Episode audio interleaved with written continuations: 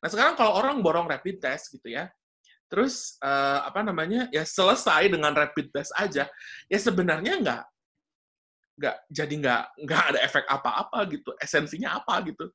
Will Talk Podcast, where young generation speak up. Oke, halo semua. Selamat datang kembali di podcast episode 3 kita. Sekarang kita udah bersama Pak Zami Nursani dari Halo, S2 Biologi. semuanya. Widih. Kali ini kita mau membahas dengan mendetail, dengan mendalam tentang COVID-19 yang sekarang di Indonesia ini banyak banget, udah banyak banget yang terkena. Terus juga eh belakangan ini kayak ada bilang kalau obat COVID ini sudah ditemukan di Indonesia, Pak. Hmm.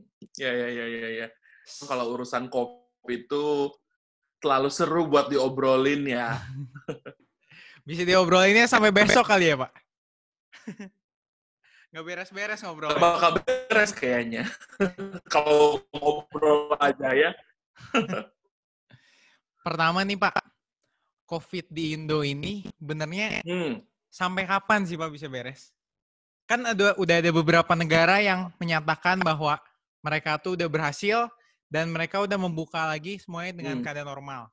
Nah, Indonesia ini udah mau membuka Hmm. new normal tapi dengan kondisi yang tiap harinya ini masih meningkat secara drastis, Pak.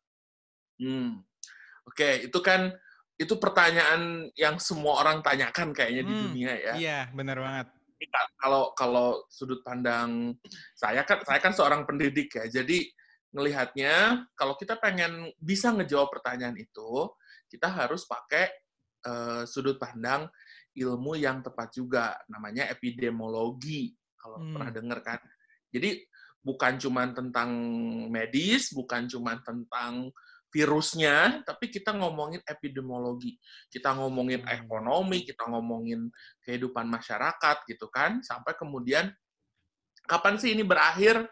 Nah, patokan berakhirnya apa? Kata kunci eh, yang paling penting untuk membuat suatu wabah ditangani dengan baik itu adalah secepat seberapa dini itu ditangani, ngerti nggak? Hmm. Kenapa ada New Zealand yang sudah bisa ngedeclare kalau Iya. negaranya sudah bersih? Karena dia jauh lebih awal menanganinya gitu. Hmm. Ya kan? Karena pakai epidemiologi yang tepat. Artinya dalam kamus epidemiologi itu semakin awal kamu atasi, maka semakin cepat itu akan berakhir. Logikanya kayak gitu Hmm.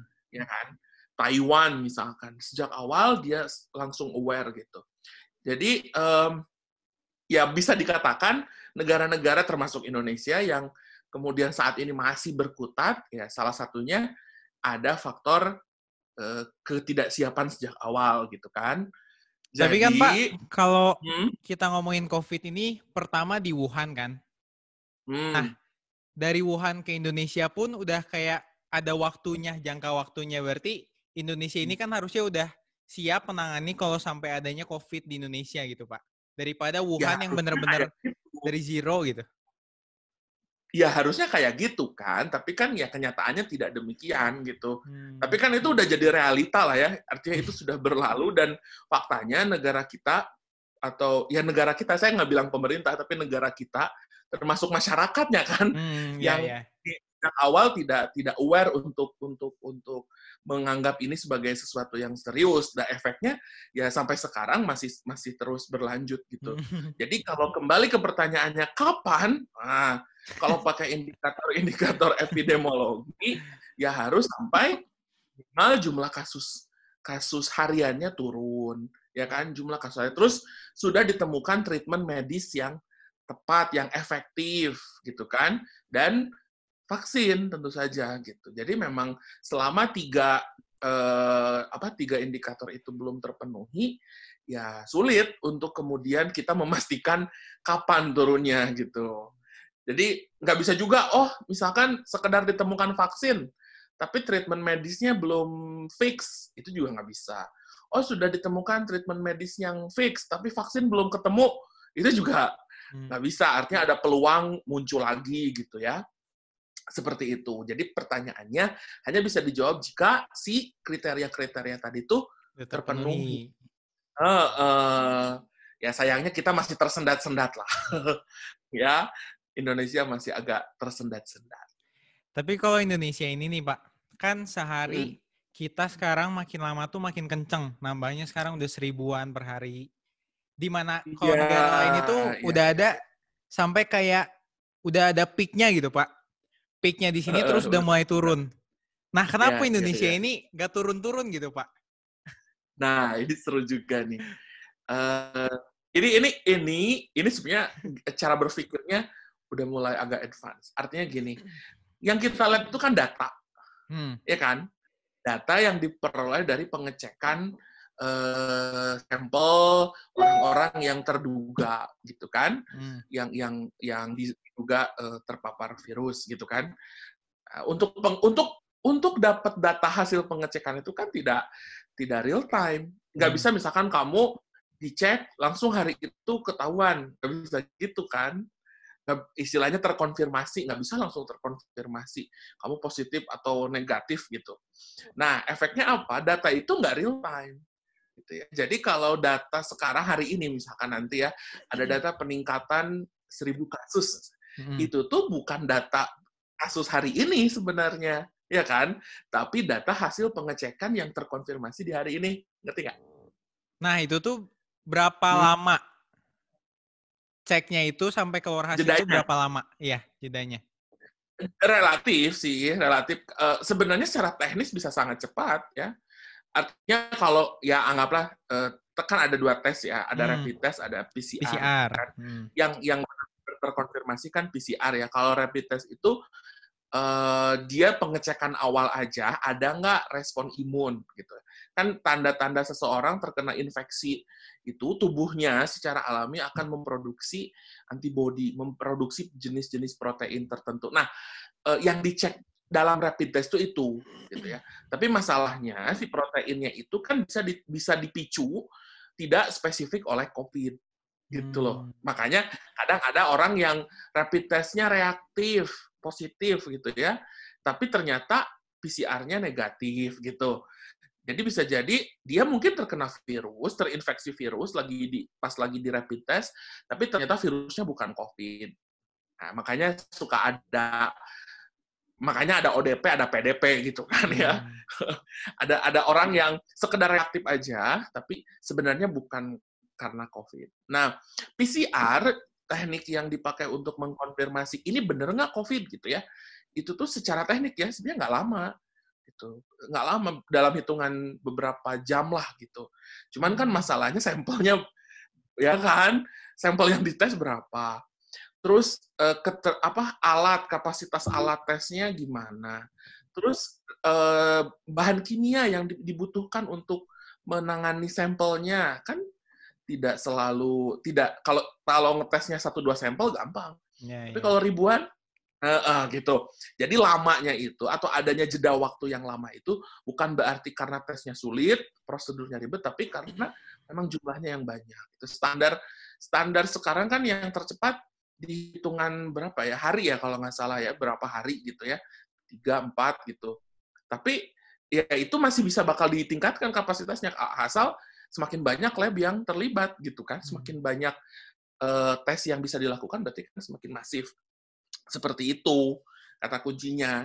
Jadi kalau datanya kemudian sekarang terlihat terus naik itu bukan berarti jumlah di lapangan itu seperti itu. Bahkan bisa jadi lebih banyak Hmm. ya bisa jadi lebih sedikit gitu kan. Kan gitu. Ya range apa batasnya kan itu kan satu persen populasi kalau nggak salah. Ya berarti kalau misalkan kita berapa nih? Dua 280 juta ya. Hmm. nah satu persennya berapa gitu. Nah jadi artinya apa? Data yang diperoleh dari satu persen itulah yang bisa kita benar-benar fix. Oh iya ini gambaran sebenarnya.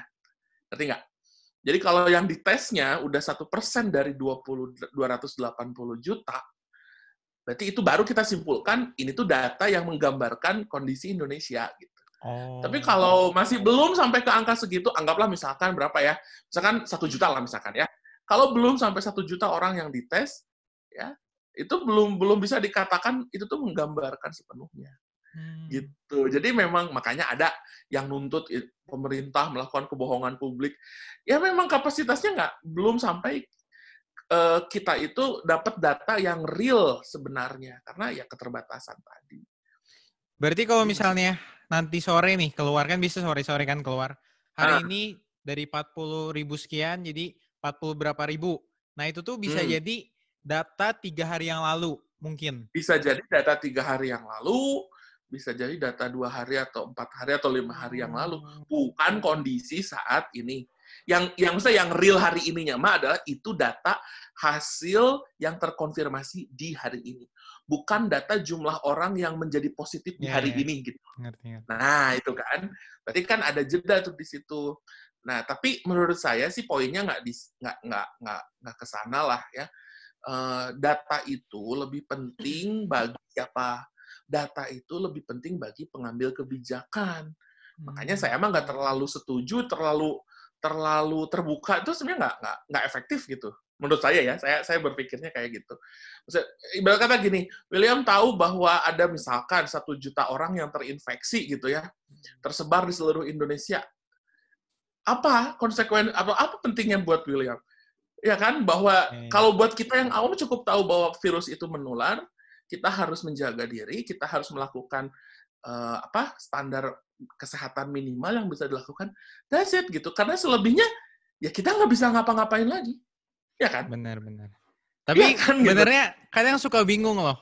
Kalau Gimana? Indonesia ini kan harusnya harusnya Hmm. ini semakin banyak orang yang terpapar COVID, berarti semakin kita tuh harus mengurung diri di rumah kan, Pak. Kayak jadi itu tuh patokan seberapa bahayanya si virus ini kalau menurut aku. Jadi kalau aku tahu udah Mhm. banyak banget tuh, jadi aku lebih kayak menjaga diri. Hmm. Nah, tapi Nah, makanya, mhm, sok. Ta- tapi di Indonesia ini pada saat COVID masih satu orang, dua orang, sepuluh orang, dibanding sekarang yang udah 40 ribu ini kayak Oh, iya. kebalik gitu. Iya kan? Iya, iya, iya, iya, iya, iya, iya. Nah, itulah kalau kita bicara kebijakan, ya itu udah udah nggak bisa cuman ngomongin penyakitnya, ya kan? Hmm. Kita udah bicara tentang sosial, kita udah bicara politik, kita udah bicara kepentingan ekonomi di situ kan gitu. Tapi yang pasti ya eh, apa eh, itu semua kan sudah di, di, di, di apa ya dikomunikasikan dengan cara apa? Ada sistem zonasi, ya kan? Heeh, jadi kamu cukup tahu bahwa oh saya tuh tinggal di zona apa, merah, ya. kuning, hijau gitu kan. Itu pun kan buat kita yang awam urgensinya lebih ke biar aware gitu. Ya kamu kalau tinggal di zona merah, konsekuensinya ketika kamu keluar rumah, peluang terpapar virusnya lebih besar dibandingkan kalau kamu di yang tinggal di zona hijau gitu kan. Itu aja sebenarnya gitu ya bahwa kemudian semua harus melakukan social distancing itu kan bagian dari upaya meminimalisir peluang ini semakin melebar gitu. Menurut saya ketika sudah ada zona hijau, sudah ada zona kuning, itu juga sudah efektif loh dalam kita eh, menyadari bahwa virus ini tuh bahaya gitu. Karena kalau enggak harusnya semua jadi merah gitu ya. Logikanya gitu kan? Iya kan? Karena kan secara teori tidak ada yang mencegah interaksi gitu ya tidak ada yang ada kamu dilarang nggak ke Pangandaran kan enggak kan Hmm. tapi faktanya sekarang Pangandaran masih zona hijau gitu. Berarti kan ada apa ya ada upaya juga ada kesadaran juga di masyarakat bahwa kita bisa nih bikin virus ini me- menyebar ke mana-mana tapi ternyata faktanya ada daerah yang angka penularannya rendah. Berarti kan kesadarannya itu ada juga gitu. Hmm. ya kan? Problemnya kan cuman emang di kota-kota besar aja. Ada yang ada yang patuh ada yang enggak gitu aja kan sebenarnya. Tapi pada akhirnya ada resiko tanggung masing-masing sih. Iya, ya nggak sih? Ya kan? Tapi kalau zona hijau ini berarti di zona itu udah nggak ada yang terpapar atau gimana, Pak? nah kalau kita balik ke tes yang tadi kan penentuan merah kuning hijau berdasarkan tes toh. Tidak ada orang yang dites terus positif kan gitu ya Hmm. apakah di situ tidak ada sama sekali orang yang terpapar virus Nggak tahu. ya kita nggak kan ya kan Hmm. karena tadi aku bilang dari sisi tesnya aja itu tuh eh, belum tentu valid menggambarkan populasi di situ gitu cuman dari sisi penularan dari sisi peluang tertular itu jauh lebih rendah dibanding yang zona merah makanya sebutnya merah itu peluang tertularnya sangat besar yang hijau itu peluang tertularnya sangat rendah gitu. Bukan berarti merah di situ eh, banyak, hijau di situ nggak ada sama sekali, bukan gitu. Tapi kita bicara peluang tertular gitu. Sekarang aku mau balik lagi nih ke ada dua macam tes, satu PCR, Ya. satu lagi rapid test Hmm. nih. Ya. Kalau rapid test ini aku pernah lihat kayak dia ngetesnya cepet banget, bukan sih Pak? Yang kasih darah langsung keluar kan hasilnya. ya, ya, ya. Tapi kan itu dari antibody, terus belum tentu juga dari virus COVID kan. Ya, di- ditimbulkan karena virusnya. Nah, kalau menurut Bapak ini, Indonesia ini lebih baik memperbanyak PCR test atau rapid test yang sangat mudah. Kalau PCR kan harus ada lama, ada kimia, dan lain-lain kan. Kalau rapid test kan lebih mudah gitu, Pak. Nah, gini, kenapa kemudian eh, pemerintah itu me- me- menerapkan dua tipe tes? Ini kan sebenarnya strategi aja bahwa untuk PCR yang utamanya kan tetap PCR. Hmm. Bahkan kalau udah sampai ke ke PDP ya, udah jadi pasien gitu, karena kebetulan kakak saya juga seorang tenaga medis yang menangani corona, itu eh, nggak perlu tes-tes lagi, cukup lihat apa ronsen aja, lihat paru-parunya kalau ada flek gini-gini, oh itu pasti corona gitu kan. Artinya apa? Untuk tipe tipe tes-tes tes yang bisa benar-benar mengkonfirmasi fix ini corona gitu ya, ini kena COVID itu mahal, Hmm. eh, tidak mudah prosedurnya dan tidak semua lembaga bisa melakukannya, Hmm. termasuk PCR. Nah, oleh karena itu dibuatlah tes yang mudah, ya kan? Minimal apa? Minimal memetakan mana yang berpeluang COVID, mana yang peluangnya rendah. Nah, adalah si rapid test itu, gitu. Jadi, apakah harus milih salah satu? Yang jelas nggak bisa. Kalau milih salah satu, ya mending PCR sekalian, gitu Hmm. kan. Cuman kan masalahnya, teknik PCR ini belum belum sampai bisa di, di sangat disederhanakan gitu. Ronsen, ngeronsen paru-paru belum bisa sederhana gitu kan. Kalau nanti mungkin bisa bikin ronsen itu cukup kayak center gitu di sinari gitu. Orangnya di pakai center di sinari seret langsung ada gambaran X-ray, nah itu bisa gitu ya. Gampang, tapi kan teknologinya belum sampai ke sana. PCR misalkan cukup ambil sampel, kucuk kucuk kucuk langsung keluar hasil. Nah, masalahnya kan dua metode itu yang yang benar-benar hasilnya valid itu masih susah. So, dipilihlah cara yang lebih gampang, cara yang lebih mudah, minimal untuk, ah, tahu nih, si ini peluang kena, atau dia lagi terinfeksi atau enggak, tubuhnya Hmm. sedang dihadapi virus atau enggak. Minimal itu kan. Habis itu, baru dibawa ke PCR gitu. Jadi, dua-duanya efektif sih menurut saya, mah. Ya, negara kita kan nggak kaya-kaya banget ya. Hmm. Jadi, kita ambil, daripada daripada nggak sama sekali kan, Ya, ya. mending iya lakuin yang bisa dilakukan. Tapi sekarang juga nih Pak, aku baca banyak baca ini banyak orang yang menjual dan memborong rapid test. Hmm. Itu menurut Bapak gimana tuh? Yang pasti itu salah kaprah ya, salah kaprah. Artinya tadi kan saya bilang rapid test itu hanya eh, atau apa kenapa ada rapid test ada PCR yang utamanya yang yang benar-benar validnya itu ya ya PCR tadi rapid test itu untuk mengurangi sampel gitu jadi kalau ada satu juta orang setelah hasil rapid test misalkan dua ratus ribu eh, positif nah Hmm. berarti dengan fokus ke 200 ribu ini kita bisa meminimalisir PCR kan ya kan kalau PCR satu Oh. juta kan wah susah Ya, ya, ya, ya, ya. ngerti ya. nggak Ya, itu ya, ya. caranya. At least ya udah PCR-nya nggak perlu sejuta, kita kurangi sampelnya. Dari yang satu juta itu yang benar-benar butuh banget atau yang benar-benar Hmm. perlu banget dikonfirmasi. Nah, berapa? Gimana tahunya? Pakai rapid test gitu.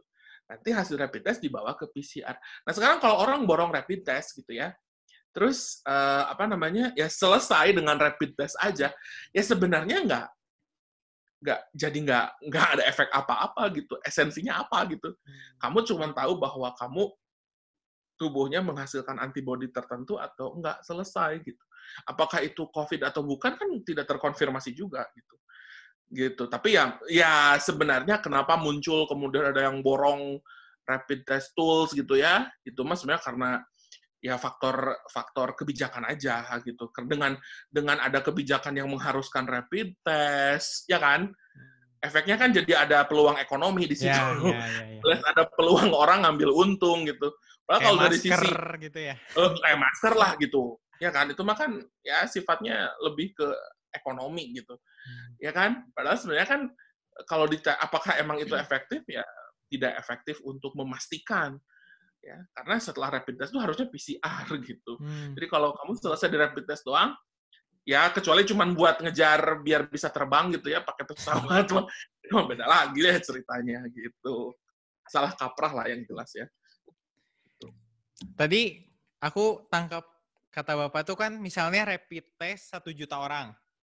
Ya. 200 ribu ini ternyata positif, jadi 200 ribu ini baru pakai PCR kemungkinan kayak buat mastiin itu COVID atau bukan kan? Ya, ya. Tapi setahu aku juga dari rapid test ini misalnya aku nih, aku sampai kena. COVID.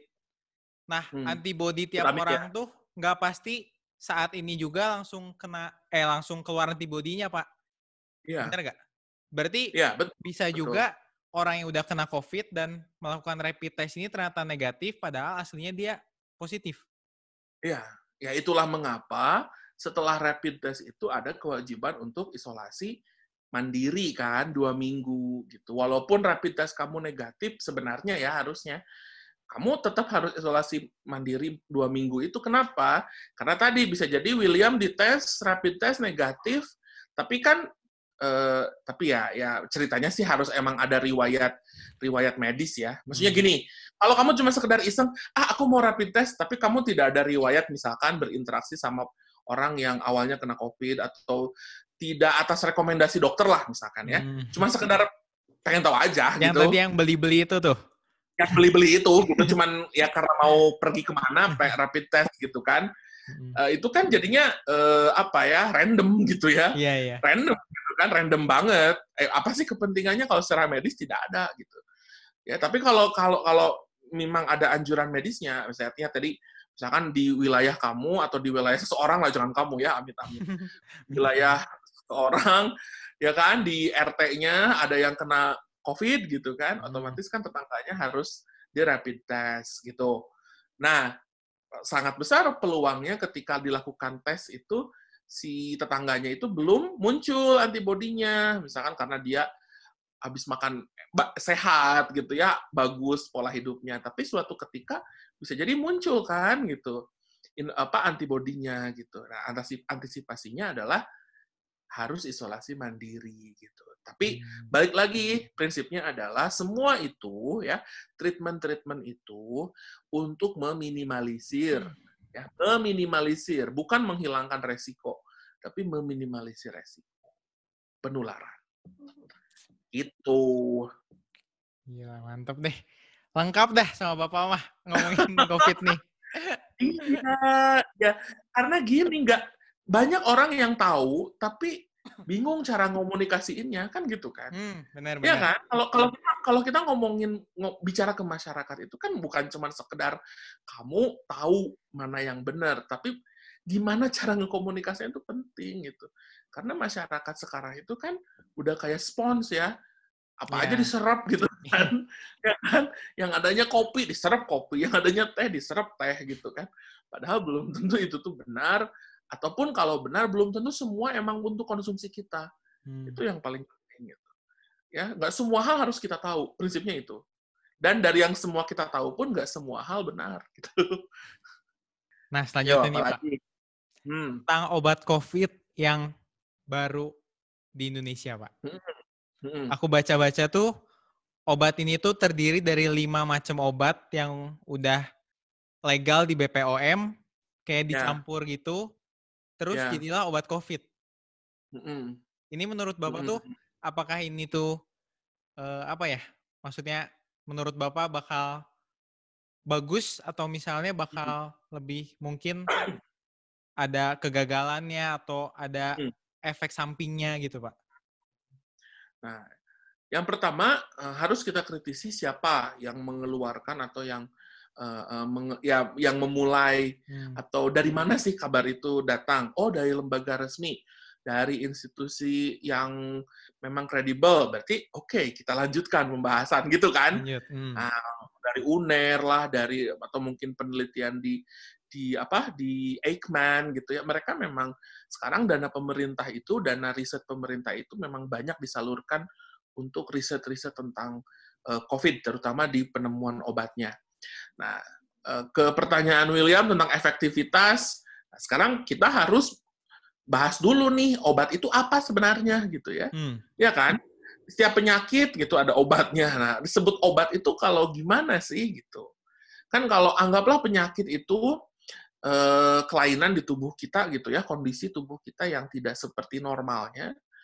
Orang dikatakan sakit ketika ada gangguan kan, hmm. ya kan? Yang awalnya nggak demam jadi demam, yang awalnya nafasnya lancar jadi sesek gitu kan. Nah, apa penyebabnya? Bisa infeksi, bisa kerusakan, bisa infeksi yang menyebabkan kerusakan gitu ya. Hmm. Itu beda beda loh ya. Ada infeksi, ada kerusakan, ada infeksi yang menyebabkan kerusakan. Uh, terus uh, ya virus itu adalah penyebab penyakit. Uh, demam itu adalah gejala penyakit. Sesak hmm. nafas itu adalah gejala, gejala penyakit. Ya kan? Nah, sekarang obat Obat itu apa?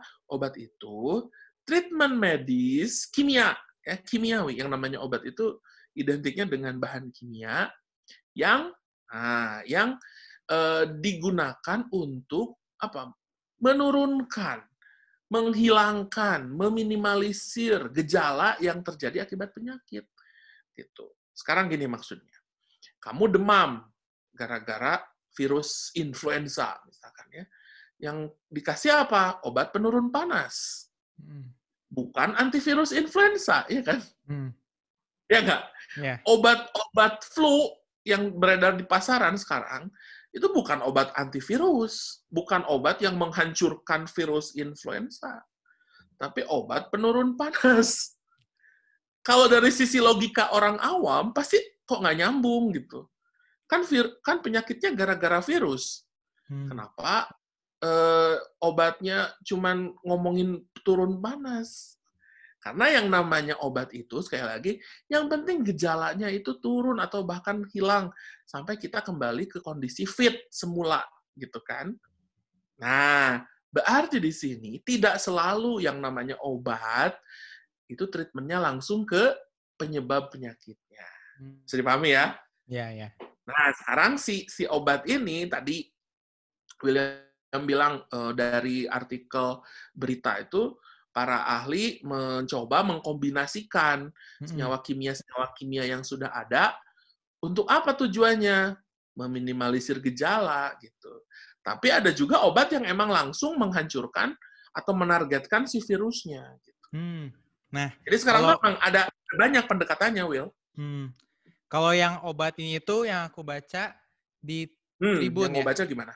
Ini ditulisnya diklaim kombinasi obat ini telah dinyatakan telah dinyatakan memiliki efektivitas untuk mencegah masuknya virus, menghambat mhm. replikasi mm -hmm. dan mencegah virus berkembang mm -hmm. biak jelas nasi. Mm -hmm. Berarti itu tuh obatnya langsung ke virusnya bukan yang gejala tadi. Ke virusnya. Hmm. Langsung ke virusnya. Tapi bukan berarti gini maksud saya, kan semua banyak banyak negara, banyak institusi yang mengembangkan atau mencari obat ini kan. Ya kan? Bisa jadi memang pendekatannya beda-beda. Nah, yang yang uh, kamu baca di situ berarti itu hasil penelitian yang memang fokusnya ke virusnya, virusnya. gitu ya. Hmm. Uh, tapi pasti ada juga kayak misalkan yang uh, kina ya, yang kemarin yang heboh tentang kina gitu kan. Uh, itu lebih banyak ke imunitas, misalkan hmm. meningkatkan imun tubuhnya. Ada juga yang mereka free sel-sel yang rusaknya gitu. Karena ya tadi eh, tubuh kita itu sistem, ya kan? Tubuh tubuh kita itu sebuah sistem. Ketika satu rusak, otomatis efeknya tidak hanya pada bagian yang itu aja gitu. Efeknya tuh bakal banyak. Sehingga untuk menghilangkan gejala, untuk kembali ke kondisi semula, ya banyak yang harus dibenerin gitu intinya gitu. Ya virusnya, ya imun tubuhnya, ya uh, mengembalikan sel-sel yang rusaknya gitu ya. Nah, kalau yang ini ceritanya ke yang kamu baca tadi, uh, berarti di sini obatnya untuk mengurangi tingkat eh, kalau dalam istilah biologi itu istilahnya itu virulensi ya. Virulensi virulensi. Ya kemampuan virus untuk menginfeksi. Hmm. kemampuan virus menginfeksi. Jadi kalau virus dengan virulensi tinggi berarti dia bisa gampang banget tuh dari sel pindah ke sel berikutnya gitu ya. Berkembang dengan cepat menginfeksi ini ono ini ono itu virulensinya tinggi. Tapi kalau virulensi virusnya rendah misalkan virus masuk ke dalam tubuh nempel ke sel habis itu udah dia di situ gitu ya. Uh, baru misalkan beberapa tahun kemudian dia menginfeksi atau beberapa minggu kemudian berarti virulensinya rendah gitu. Nah, berarti obat yang kamu bicarakan tadi itu obat yang mengurangi virulensi virusnya. Apakah itu otomatis menyembuhkan? Belum tentu, karena tadi saya bilang virulensi virusnya rendah, tapi kemampuan si pasien untuk merecovery tubuhnya rendah, ya aja. juga kan ujung-ujungnya. Makanya kan dokter memetakan ada orang-orang yang beresiko tinggi gitu kan, Hmm. lansia, dia orang yang kena diabetes, resiko tinggi. Walau imunnya bagus, asupan nutrisinya bagus, tapi kemampuan recovery selnya rendah gitu. Jadi nggak bisa pukul rata kalau kita bicara tentang treatment medis tuh. Tapi berarti obat ini membantu, membantu Bisa. virus jadi nggak lebih cepat menyebar di dalam tubuh Yes. kita. Yes, bahwa itu akan efektif, pasti akan efektif, tapi apakah itu satu-satunya? Pasti enggak gitu. Hmm. Artinya semua jalan yang bisa dipakai untuk membuat eh, gejala eh, suatu penyakit itu diredakan, itu harus harus ditempuh, ya kan? Dalam dalam dalam treatment atau dalam menghadapi wabah itu semuanya harus ditempuh gitu. Oh, gimana caranya agar sel-sel paru-parunya sehat? Oh, gimana caranya agar sel imun tubuhnya bisa naik lagi? Oh, gimana caranya mencegah virusnya eh, apa menular dengan cepat? Itu minimal tiga jalur itu tuh harus harus ada solusinya. Makanya obat itu dicampur-campur kan gitu ya. Yeah. Artinya treatment treatment medis, tre- tre- treatment farmakologis gitu yang pakai pakai senyawa kimia itu jarang yang eh, satu jenis senyawa kimia gitu. Hmm. Nggak jarang lah yang sampai kayak gitu. Atau mungkin hampir nggak ada lah gitu. Pasti ada kombinasi-kombinasinya gitu ya. Karena mungkin senyawa A untuk mencegah virusnya ngapain, senyawa B untuk mencegah si virusnya ngapain, beda-beda peruntukan. Tapi satu tujuannya, oh mengurangi virulensi, mengurangi kemampuan si virus untuk menular. Nanti di pendekatan untuk imun ya sama gitu juga. Ada yang senyawa kimia untuk apa, ada senyawa kimia untuk ini. Nanti dikemas jadi satu obat. Kita kan taunya satu obat aja gitu kan, paracetamol gitu kan. Kita taunya, padahal sebenarnya kan senyawa kimia di dalamnya tuh tidak sesimpel itu. Gitu. Nah itu kalau obat dicampur-campur gitu Pak, apakah ada mungkin bakal ada efek samping yang jelek buat badan kita? Mungkin COVID ini hilang tapi ada penyakit baru. Nah, ya, ya, ya, ya, ya, ya. Nah, itu makanya disebutnya treatment, ya. Treatment itu kan sesuatu yang terukur, ya. Jadi eh, ya makanya dokter itu ngasihnya resep, ya kan? Beda dengan eh, apa? Nggak bisa seenaknya pasien gitu ya. Artinya apa? Kenapa harus terukur? Kenapa harus tertentu dosisnya? Ya karena ada efek sampingnya gitu. Ya, karena ada efek sampingnya. Pasti yang namanya semua obat itu ada efek sampingnya karena bagaimanapun itu kan mempe- mempengaruhi sistem alami. Kan gini, Kak, kamu eh, manusia terinfeksi virus, lalu gara-gara virus itu eh, fungsi tubuhnya menurun. Itu hal alami nggak? Gimana Ayo, gimana Pak? Ada virus, Virus. ya kan, menginfeksi tubuh manusia. Gara-gara si virus itu, misalkan paru-paru manusia itu jadi tidak berfungsi secara maksimal, atau si paru-parunya rusak lah gitu. Menurut kamu itu alami nggak? Kalau dilihat virus ini sebagai nature gitu kan Pak, ya mungkin itu Iya. bisa termasuk alami. Iya, nah itu poinnya. Jadi orang meninggal, orang sakit gara-gara virus itu bagian dari proses alami. Hmm. Karena memang karakter virus itu ya parasit, menimbulkan kerugian bagi inangnya. Tapi kan buat si virusnya sendiri itu tuh hal yang dia butuhkan untuk survive kan. Hmm. Ini kita bicara sudut pandang evolusi ya, Wah, gitu ya. Artinya apa? Artinya apa? Saya mau bilang bahwa obat ya senyawa kimia yang kemudian digunakan untuk mengembalikan kondisi yang awalnya sakit jadi pulih kembali itu ya mau tidak mau kita terima itu sebagai hal yang tidak alami ya kan Hmm.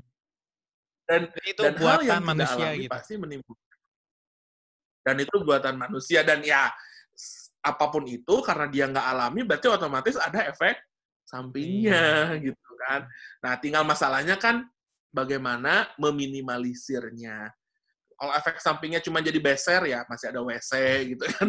Kalau efek sampingnya jadi ngantuk ya tinggal minum di saat yang tepat. Jangan minum obat pas mau berkendara gitu kan gitu-gitu aja kan. Tapi yang pasti kalau nanya ada efek sampingnya pak? Pasti ada. Nah tapi kan pada akhirnya kamu tidak bisa mengkonsumsi obat itu semau kamu gitu kan. Iya. artinya apa? Efek samping itu diminimalisir dengan dosis yang tepat dengan anjuran dokter dengan eh, perilaku hidup yang juga sehat itu poinnya Berarti obat ini mau sekecil apa pun atau sebesar apa pun efek sampingnya pasti ada. pasti ada pasti ada gitu Nah ini aku baru lihat juga nih ya obat COVID yang udah tersebar nih yang dipakai di Amerika gitu Pak. Yang Mhm. obat malaria yang hidroksi itu ya Pak. ya, itu Nah, ya betul Itu tuh dikatakan bisa bahaya banget ke jadi naikin kemungkinan serangan jantung gitu Pak. Hmm. Nah itu tuh Ya, kalau ya, ya. misalnya kan obat ini berarti waktu itu udah dilegalkan, udah dipakai berarti sama banyak orang dan baru ketemu berapa hari sesudahnya, baru banget ini, baru Hmm. 16 Juni. Nah. Hmm. Itu tuh gimana Pak? Kan kayak sudah merugikan banyak orang atau itu gimana tuh Pak? Iya, iya, iya, iya. Itu memang saya nyebutnya sebagai resiko yang sulit untuk dihindarkan, ya Hmm. kan? Kan semua juga pada akhirnya yang penting ada dulu. Yang penting kita menemukan solusi, tapi bukan solusi yang eh, permanen gitu kan? Maksudnya gini, eh, ada misalkan gini, suatu penyakit gejalanya demam, ya kan? Ya udah yang penting kita turunin aja dulu demamnya, ya kan? Efektif lah si obat itu menurunkan demam. Terus ternyata pasiennya mengalami komplikasi jantung gara-gara obat itu. Nah itu kan kita nggak kita kan nggak nggak bisa nggak selalu bisa ya manusia para peneliti para ilmuwan nggak bakal selalu bisa memprediksi dengan tepat gitu kan. Apalagi kalau kita bicara tentang tubuh manusia yang kompleks dengan latar belakang kehidupan setiap pasien itu bisa jadi beda-beda, ya kan? Iya. maka efek yang timbul juga bisa jadi beda-beda gitu. Artinya, oh itu kan pas sudah merugikan ya dalam level tertentu dia bermanfaat. Tapi di level yang lain resikonya tetap ada. Nah, makanya balik ke pernyataan, pernyataan tadi bahwa setiap obat itu pasti ada efek sampingnya. Tinggal kita mau yang diizinkan oleh pemerintah, oleh Badan POM atau kalau di Amerika apa ya namanya saya lupa, itu level resikonya sampai mana gitu. Ya kan? Ya kan kan kalau dalam dalam konteks medis mah narkoba aja bisa dipakai untuk treatment Iya, iya, iya. pengobatan, ya kan? Cuman kan harus terukur gitu loh. Kapan dia bisa sampai menimbulkan kecanduan? Kan kalau terukur mah tidak sampai ada efek sana gitu. Hmm. Dan satu lagi, yang namanya obat itu sebagai produk riset itu tidak mungkin sepenuhnya akan apa ya hmm, istilah itu paten. Jadi nggak bakal plek blok pasti ini selalu tepat gitu loh. Hmm. nggak bakal Hmm. gitu. Butuh pengembangan pengembangan. Dan pengembangan itu dihasilkan dari apa? Mau nggak mau saya harus bilang trial and error gitu. Ya kan? Pasien itu adalah kelinci percobaan dokter. Ya bahasa bahasa kasarnya gitu gitu.